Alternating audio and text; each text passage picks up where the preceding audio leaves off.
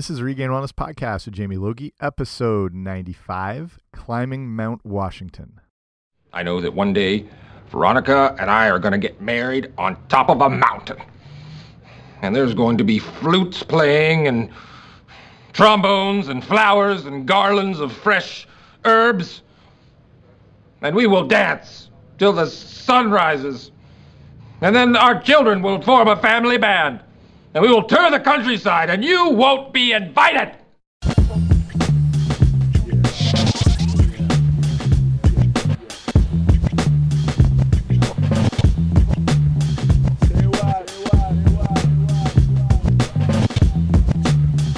Hey guys, what's happening? Welcome back to the podcast. I'm Jamie Logie. I run regainwellness.com and this is the Regain Wellness Podcast. And thank you so much for joining me here today. If you're new here, welcome. Thanks. Take a load off. Sit around, sit around, see what we got to offer here. I've got a ton of great podcasts. Um, we're almost at hundred here, and oh, I've got I've touched every topic you can imagine so far. You know, um, fat issue, sugar, paleo. I've had some of the top um, experts in the field of nutrition, like New York Times bestsellers, I've had on here. I've had a former professional wrestler on here. I've had everybody. Um, so if you want to look back through, if you subscribe on iTunes, um, go ahead and do that. Have a look through. I guarantee there's there's topics of interest to you. You'll learn a lot. I, I promise you that. And um, so I just got back into the the the role here with episode 94 talking about what I did during the summer. And if you want to listen to that at regainwellness.com slash 094, uh, I'm back in one place for the time being. So I'm back to a regular one podcast per week episode. And I tend to come out on Tuesdays. So look for that. But if you subscribe, they automatically get delivered right to your pocket or your listening device or whatever that may be. So today on this episode, um, I'm going to talk about one of the things I did in the summer, which hopefully is of interest to you because uh, uh, from a fitness aspect, it was hands down the toughest thing I've ever done in my life. And I'm not the fittest person on earth, but I'm pretty fit. I've done a lot of uh, tough things. I played a lot of tough sports, and this was uh, the absolute pinnacle. And that was climbing Mount Washington in New Hampshire. So I'm going to talk um, what this mountain's all about, why it's considered the most dangerous small mountain in the world, um, my experience, the whole deal. Hopefully, you like this and, and encourage you not necessarily to climb mountains, but to like get into hiking, which I'm a big fan of. Been doing for a while, and I think it's one of the best ways to get fit um, and whatnot. So we'll get into all that. So sit back and uh, let's talk about this. Okay, like I said, I've done a lot of hiking and uh, do it pretty regularly. Um, I've played sports my whole life. I've played, you know, college hockey. I've played football, track, running. Um, I bike all the time now. A lot of hiking. I run a lot of sprints. Um, and I thought I was prepared for what this thing was going to be like, and I was not. And again, I, I, wouldn't call myself an experienced hiker per se, as far as like tackling like big summits around the world or anything like that. But like I've done the Tongariro passing or Tongariro crossing in New Zealand, which is the one that goes up Mount Doom from Lord of the Rings, and it's uh, it's it's ranked as one of the best one day treks in the world.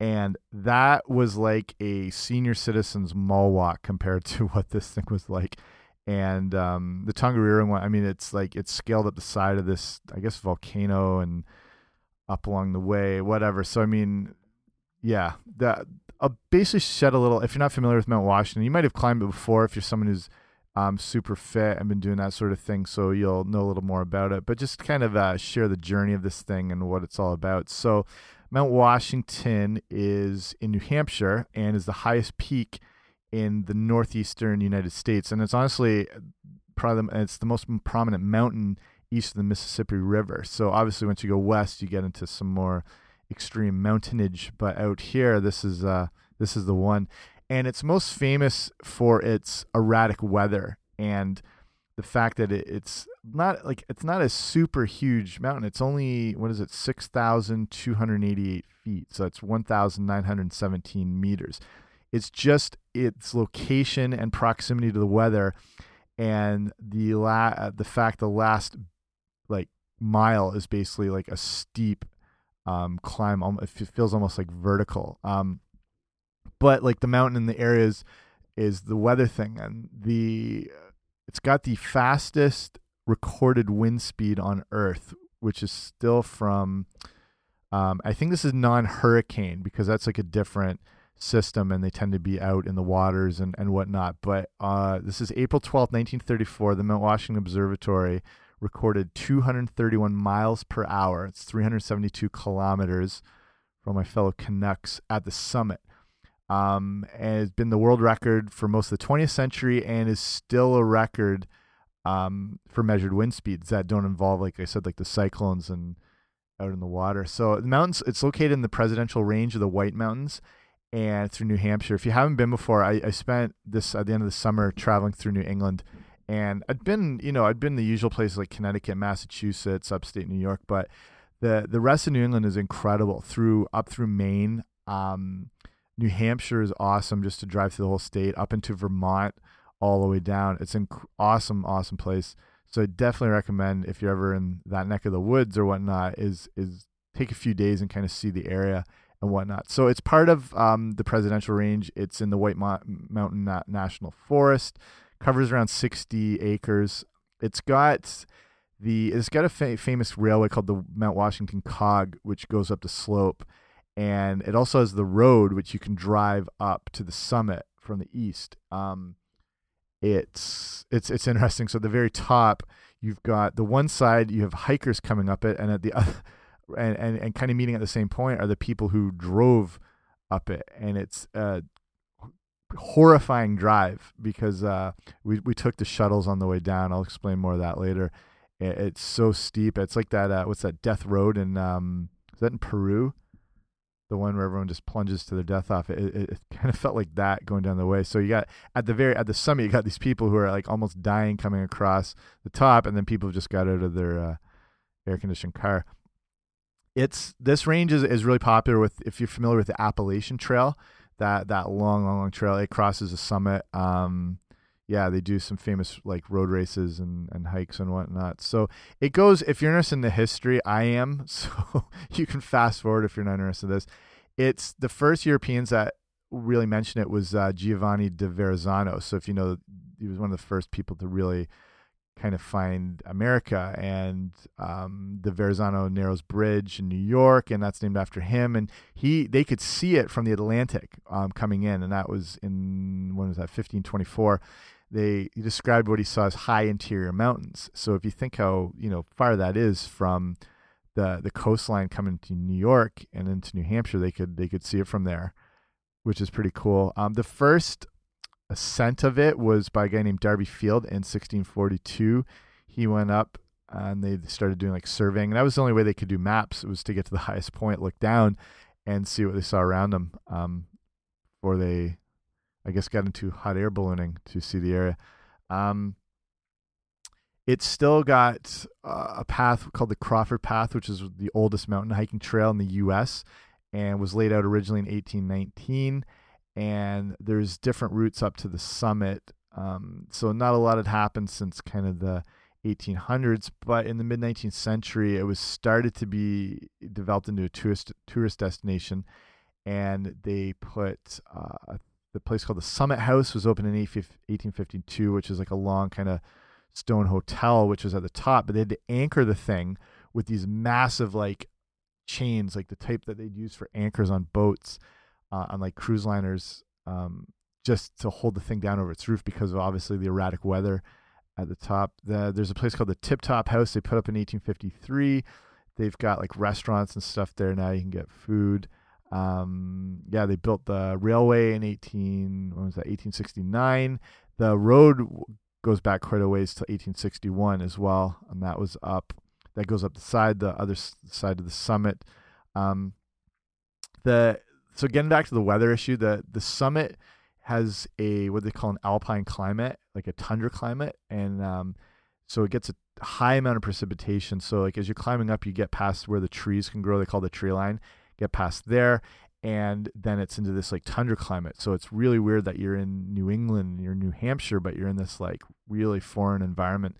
Um, the lower elevations have like a subarctic climate, and if you ever see, I'll put tons of pictures up. If you go to regainedwellness.com slash 095 and you can see like what it looks like in the winter and it, it honestly looks like remote arctic areas with the way the the snow and everything and like everything just kind of freezes to death at the top. So it's just an interesting place where the coastline is. It makes um, the presidential range it's got a it's weird. It's one of the only places that has like a north south orientation which is a little different. So it leaves it open to more of those westerly winds that come in and the low pressure areas are more favorable to develop along the coastlines in the winter and they have like a different you know relative temperature. And basically that's what creates this crazy crazy weather combination. When you put all these things together you have hurricane force winds with the chance that it can snow in august on the top of this thing. For around 100 days a year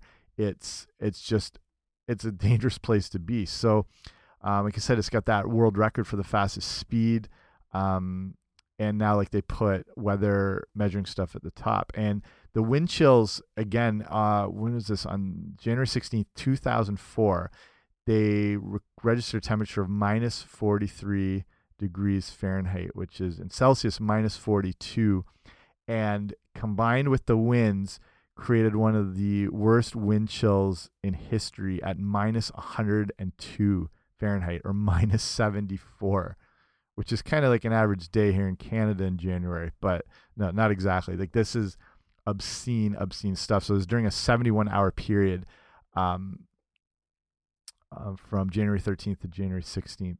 And the wind chill at the summit never went above minus 50, um, which, yeah, it just incredible that a place like this exists in like, you know, a densely, you know, populated part of the eastern seaboard on the east coast. That's this anomaly sitting out there. So, the whole climb and the whole trek there's a few different ways you can do this um, there i took what was called uh, you start a place called uh, pinkham notch which is kind of at the like at the bottom of the mountain and that's one of the ways to go up through the tuckerman ravine trail which is probably the most popular way to do it. It's a 4.1 mile so around 6.6 kilometer trek, which doesn't sound long compared to a lot of other places, but with the way this place is laid, not laid out, the way it's naturally formed, the um, especially like I say the last mile with its almost vertical ascent makes it a lot tougher. Where some you know some mountain ranges will have maybe a seven mile um, distance to the to the summit, but it's obviously more of a gradual whatever. So the the Tuckerman Ravine, the most popular way to do it, it's uh, got really this natural rock step formation because over the whatever centuries and what how the rocks have kind of fallen into place and it almost gives you like a natural step all the way up. There's a few other ways you can go up it. There's the Crawford Path. There's a part called uh, Boott Spur. There's Lion Heads, which are a longer way to do it. Like some of them will go almost nine miles, but it takes like the longer way up the side. The Tuckerman is, like I said, the most popular because the views are incredible the way you go up it. So starting at the bottom, and the day I went was perfect weather. It was around I think 73 degrees and perfectly blue skies. But like they say, you don't know what can happen. The weather can just change on a dime. I think that's one of the jokes in New England. They always say like if you don't like the weather, just wait five minutes because it's that erratic. It's always changing. And notice that in Connecticut a lot too, where I spend the summers. So start at the bottom, at the bottom of the Tuckerman, tra Tuckerman Trail, heading up. So I like I researched before. Like I'm not going into this totally blind. I like to know kind of what I'm getting myself into. So I was aware of the weather issues and all that stuff. So uh, with one of the things, it'll be super hot and warm at the bottom, and you can get to the top and be freezing. So I knew like it was warm and you'd think how would I possibly need anything more than a t-shirt and shorts? But I had in my backpack I had extra stuff and sweaters and whatnot because there's been awful but a lot of deaths on this mountain. I think they're up to 150 within the last century. And one as of honestly, I think I was looking at at the really at the summit they have a um like basically this big plaque and they actually list all the people who died and how they died not not in a morbid way but just to honor them but at the same time to make people very aware of how dangerous this place is. And the the most recent one I think was within the month and all the deaths are not, I think it's like 99% of them they're not from accidents or falling or rock slide it's due to hypothermia and people dying because of the extreme weather changes. So they'll go up like if it's remotely even cool at the bottom it's going to be like arctic blast at the top. And what happens is people get lost on these hills and first as they get higher the the weather drops and then as night falls it gets even colder.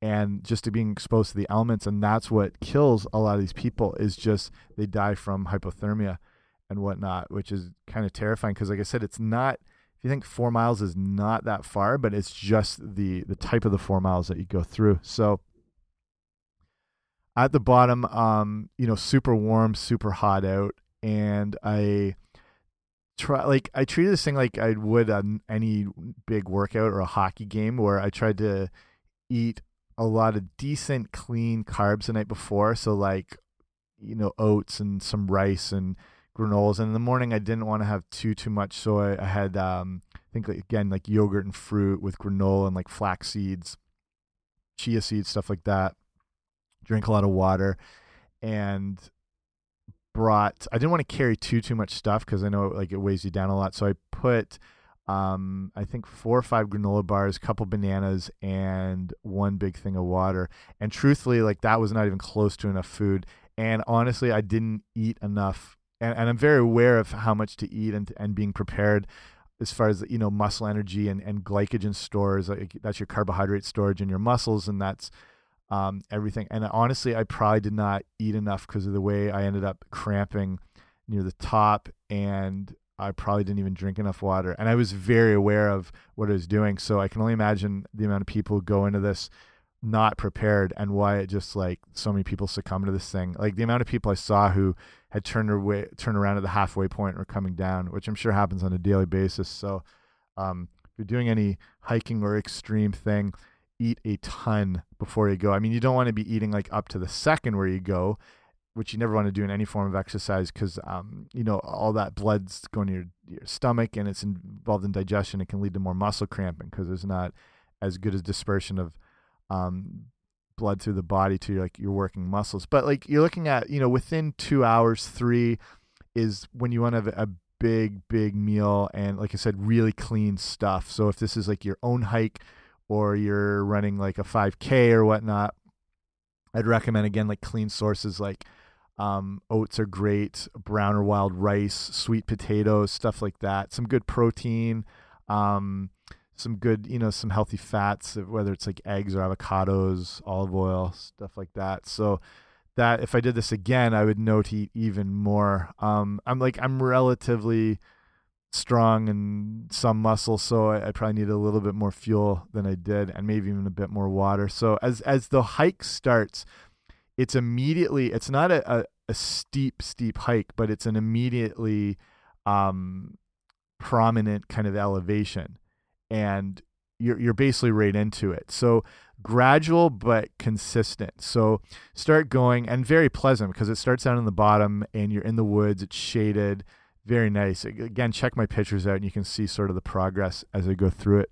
Um, the like I said, a lot of the trails already kind of mapped out. Well, not mapped out, but like kind of laying out because of so many people have been doing it, and a lot of like the rock falls that have happened that kind of path the way. So you're kind of climbing up up these rocks. So I was thinking, like I do a lot of hikes, and I thought it was more hike based than it was like legit mountain climbing base, which comes a little later on, like where you're actually scaling over rocks and whatnot and having to like hoist yourself up.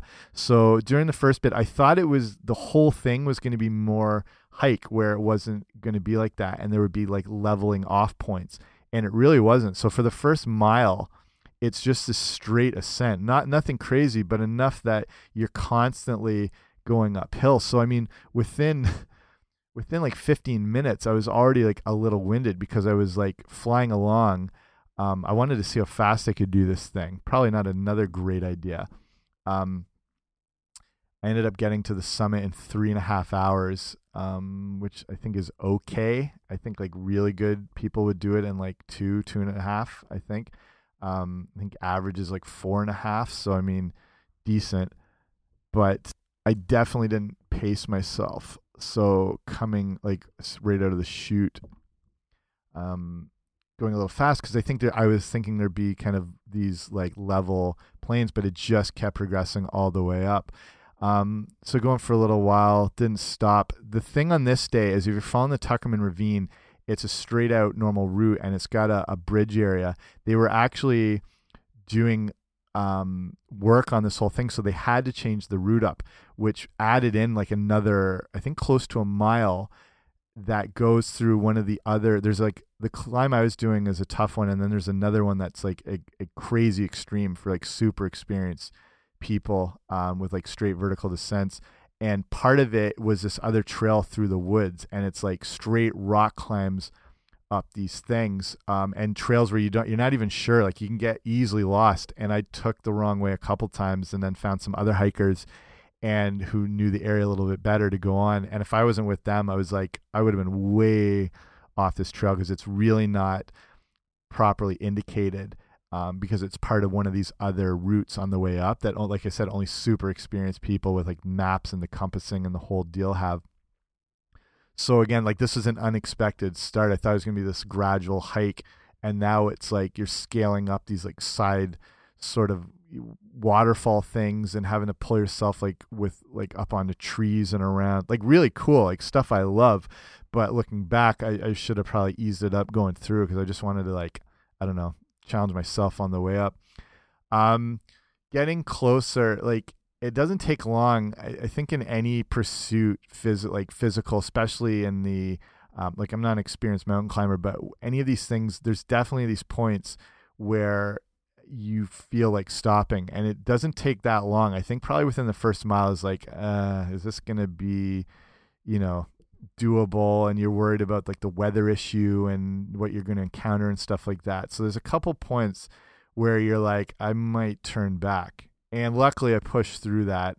Like I said, I saw some other people coming down um, just because of this new changed route or route or whatever you want to call it. Um, made it like really slapped on some intensity to the whole thing. So at the halfway point, there is a kind of little not chalet but a little shack place so you can kind of hold up for a sec and there's people there and you can actually camp overnight, which would be kind of cool, but also super intense, I think, at the same time to spend a night up there.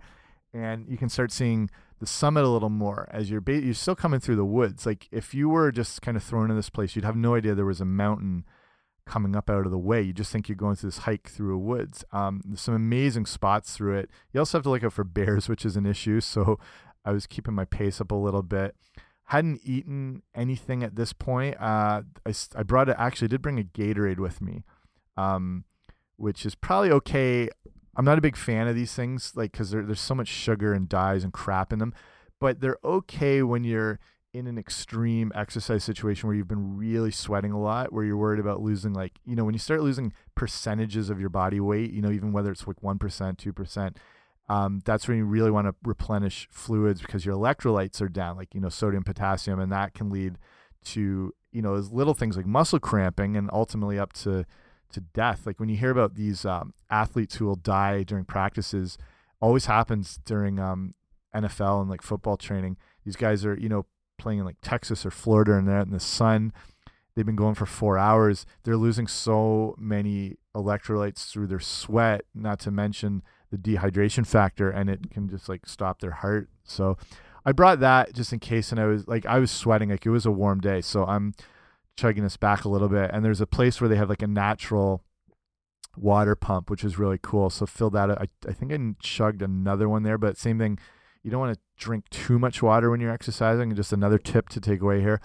You, if you drink too much, again, as you know, it's good for you to stay hydrated. Um, it can lead again to muscle cramping, and it's kind of that same idea. Like if you're watering a plant, you just don't dump like a, a whole like pint of water on it because it floods it. You you sprinkle it and you slowly do it. And it's the same way you should do when you're exercising. Is you don't want to chug water, you want to sip it slowly. Um, so I probably drink a little too quick. Not I, I'm I'm aware of these things, but just a little too much because I wanted to like fill it up again and take it because I didn't. That might be the last stop to get water. So finally coming around, and it starts. The ascent starts to happen um, at the like little past the halfway point. Maybe it's like uh, 1.8 miles to go and whatnot. And it's it's really cool though because it's like kind of this like crater, this the the ravine part of the mountain. You can start seeing it as you're coming out of the woods and you're climbing up. And I realize like I'm actually I'm looking. I was like this thing is going so straight up as I can't be on the right path because in my mind I thought it was more of a gradual straight path. I'm like, we actually have to climb the side of this freaking mountain here. And I found a guy who's on his way back. I'm like, what is that the way, the right way? And he's like, yeah, show me the route going up. I'm like, holy crap, this is no joke. So start the uh, ascent, and you're it's part like you know shrubbery and lower terrain and stuff like that, but kind of guided path. And then all of a sudden, it's like straight rocks, big rocks, like huge things, and you're climbing up. And at this point the weather's starting to roll in and it's like you're you're already this high anyway. So like clouds are you know natural but the weather again is starting to switch. So i can't see past where i think is the top of the summit. So i'm like bolting it up the side of this thing. And there's there's parts where you're not walking you're pulling yourself up these rocks and whatnot. And it's like straight mountain climbing. So i'm thinking like i'll go hard here. I and I'm finally higher, and I get to where I think is kind of like okay, it's just got to be over the edge, and then the clouds clear, and I'm not even close. And every inch you're doing at this point feels just like a mile. So that's why like the last 0.8 and especially the last 0.6 are this like straight climb right up over the mountain. There's a really big uh, waterfall, not not crazy waterfall, but that comes down that you're going up the side of dunk your head under there a bit, freezing cold water, but amazing.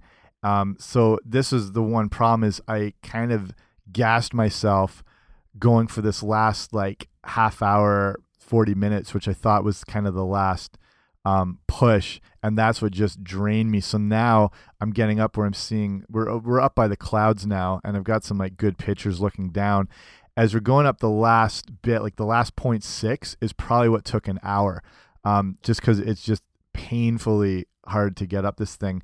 Um, and picture wise, I couldn't really get anything because it was so foggy, so you wouldn't have really seen a lot. So my pictures kind of cut out till I get actually um, to the top. So again, that was on me, like not being experienced on this mountain, um, just draining myself on that push, not realizing that was not the final push. So if I'd so at that point, I took a few, like I took some breaks at the top just to have a look, or sorry, not the top, probably two thirds at this point. Eh, yeah, about that. So as you get up around um, where I thought the top was, then it's another kind of ascent to the right, and now it's it's straight rocks that have fallen. There, there there's some exposed, like you know, earth exposed and whatnot, but you're having to find the best route up these rocks. And people build these, I forget what they're, they're called. They do them in Canada too, where they kind of stack the rocks together and try and make this like image or whatever. And people have set those out so you know you're at least on the right way.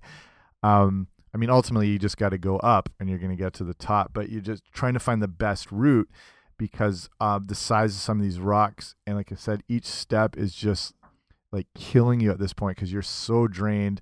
The elevation, at this point. I've got I've already eaten my whatever bananas and all that. I eat those earlier. The amount of calories you're probably burning through this thing it must be extraordinary. I have no idea. Um, so yeah, like everyone else, it's this last bit, uh, the last push is what is is so hard. And so now at this point, I'm starting to um, cramp up odds and whatever. I I stretched a little before, but a combination of this is like ext- like full on mount. I do a lot of squats and running and biking and whatnot, but this is straight ascent climbing and and pushing up over. Um, you know, it's a three and a half hour straight climb workout, and I don't know if I'm dehydrated at this point, even though I thought I've you know maybe drunk a lot. But it's the same thing. You don't necessarily have to be sweating to be dehydrated. Like just the weather, um, it doesn't you know it doesn't have to be hot and crazy sunny that uh, the sun's beating down on you to feel like you're sweating. Like you can still get dehydrated on a cloudy, um, cool day. So I'm I'm probably at this point like I don't know 500 meters. I, I can't even tell at this point how far I am. Um, and I have to sit down and try and find any kind of like length shaped rock to try and act as like a, a hard foam roller to try and roll my quads out because I'm I'm cramming up so bad. So I'm trying to stretch on the side of this mountain and um then kind of like get relaxed so I can kind of like dig these rocks and to try and kind of open up things a little bit more because I'm afraid I'm if something goes bad, I'm screwed because no one's gonna be able to come down or come up to get me here. So I stretch it out some more, roll um, this modified foam roller I make out of the rock, and that's okay. So that let me that let, lets me get um, there. So at this point, it's the same thing. Like it, it's probably only I don't know 200 feet, which isn't that far, but enough that I'm almost thinking I'm like, I'm gonna turn around. Like I don't think I can do this last little bit. It's such a straight, hard climb. It's the hardest. It's already been the hardest point up to now, and now this is even harder for this last little bit. It's like it's like going up a ladder that's look you're looking right into. It's like staring you straight in the face, but it's all on rocks, and it's amazing. Like I've heard this before about climbers getting so close and then Turner, even on like Everest, people getting almost to the summit and for whatever reason, not just danger wise, but like and having to go back. And I totally understand it now. But I guess like whatever they say, like whatever's um, easy to do is not worth doing. So it's so funny just to be there. And I'm like, I've been going for three and a half hours. I can almost like throw a rock and hit the top, and I'm considering bailing and going back down. Um, yeah, just really weird. So I'm almost at the top. I'm again, I'm probably within 20 feet this time, and my quads go again. So I'm trying to roll them out with these rocks I can pick up and just kind of finally get to the top and lunge over. Um, and like I said, up at the top is a parking lot because there's the road that drives all the way up the side. And then, uh, so people seeing all these exhausted people get to the top. And then, so now I'm finally on flat ground and they cramp even worse. So I'm just finding like anywhere I can to sit down, try and stretch them out. And now, like the weather's come in, it's freezing. It feels like January. So I have my hoodie, put that on, walk. And once you get over the like the top onto the road, you're not actually at the summit, and you got to go up a little bit farther. And there's a big long wooden staircase which takes you to the top, which feels like a real kick in the teeth after doing this whole thing that you got to go up this last little. I, I, can see a lot of people who probably bailed down and fell off that thing. Um, but then you get up to the top and now it's so the weather's so bad it's completely clouded through you can't see a thing like you can barely see 20 feet past you but i got a picture at the top with the summit sign. It looks like you're in the middle of a cloud. So now you've got the climb on the way down but the weather has got so bad that they're telling people um, not to do it. Because at this point it's i think i started at like 10 in the morning was it? Maybe 11 um, they're saying by the time you get down, it could be like getting into like seven, six, seven o'clock, and that's like when it gets really rough. And the fact that the original trail is gone, and you got to find your way through the woods where it's potentially getting dark, um, and the fact the cold is hit in, and then the rain and stuff. So they're having shuttles, which you have to pay for conveniently, but at that point, you couldn't care less to get back down to the bottom um because you don't i like i'm like yeah i don't want to risk that at all. It, it's it's incredible how you're standing at the top of this place. I feel like i'm back in canada in january and at the very bottom it was like a warm hot crazy sunny day. So like this place is no joke. And the same thing you can feel the winds coming through which are probably extremely mild for what normally happens there. Um and like what happens when you're going up the summit especially the last um, half mile is you get blown off course, which sounds funny. Like, you know, if you're swimming on the beach or in the ocean and the tide starts to pull you away, um, you can feel that. But on the mountain, you naturally your body does not want to go into the wind, so it'll kind of go with it. Um, and you're kind of like unconscious to the fact that you're actually following the wind and you realize how far off your trail's gone. And I look back, what I thought I was taking a straight route up was completely um, off on a tangent to the side because you're kind of going with the wind because it's just an easier thing to do. But you don't really feel it until you look back and see, like, whoa, that that's kind of scary where I thought I was going. So at the top, shuttles take everyone down, and then the shuttle was crazy because a girl in the front there there's probably 13 people in there everyone's just talking like how was your hike and all that there's a bunch of canadians um i'm if you haven't listened to this forum from london ontario canada and there's a bunch of people from uh there's a few people from toronto no one who knew each other from ottawa a few from prince edward island and then a girl in the front who was not only grew up in my town but went to the same school as my brother-in-law and was one of uh, his sister's best friends. So we're yeah, just crazy stuff. That those things seem to happen to me everywhere I, I, travel. So I got I got some other cool stories like that if you ever want to hear random run into. So we're talking, you know, we know each other's families. We yeah, it was just really weird. Um, so like I say, take the drive down, which is incredible because you see more of the presidential mountain range. Um, that you couldn't see before. The problem at the summit, it's supposed to be some of the best views on the entire east coast of North America, but everything's clouded through. So like you have no idea what's there until you come down through the clouds through the drive and you can see the area, which is spectacular and again terrifying as hell um, with how they drive and the, the plummets off the side of the road. So yeah, absolutely nuts. So that that was my whole little adventure. If you're um, you know ever in that area or if you've done this before you know hit me up just tell me how it was i'm my email is info at regainedwellness.com um so it just like to take away from this uh i i am a big fan of of hiking despite how dangerous and tough this climb was. Um hiking in general if you can find good trails near you is a great exercise and and fitness regimen because first you're outside um, it's more stimulating you're you're hopefully exposed to fresher air natural sunlight just hearing you know something that's not like car air pollution like noise tra you know noise pollution and, and traffic sounds and whatnot just being out and away from the stuff is really good and when you are hiking not just the physical um you know impact it puts on your muscles that you're having to climb up these elevations which you know works your hamstrings, your quads, your calves, the whole deal.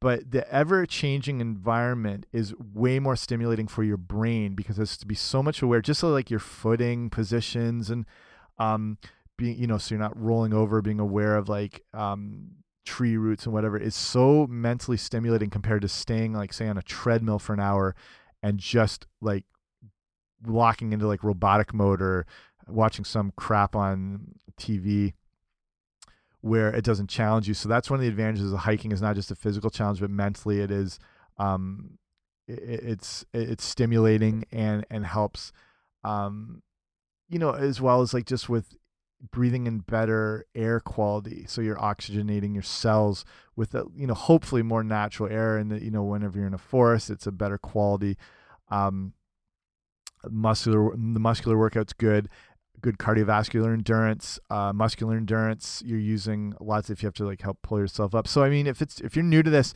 start slow. Like find very general and gradual and gentle kind of inclines and and hikes that are outside. And then as you get better, you can find more challenging type things. But um, like they're tough. It's tougher than most workouts because you know, like even like, you know, when you're walking upstairs, when you have that constant progression, like call it progressive overload, where one step is a bit harder than the other. That's the thing with hiking, but that's what makes it such um, a good workout and a good um, way to improve your fitness and your health. So I'm a big fan. Uh, hopefully you are too.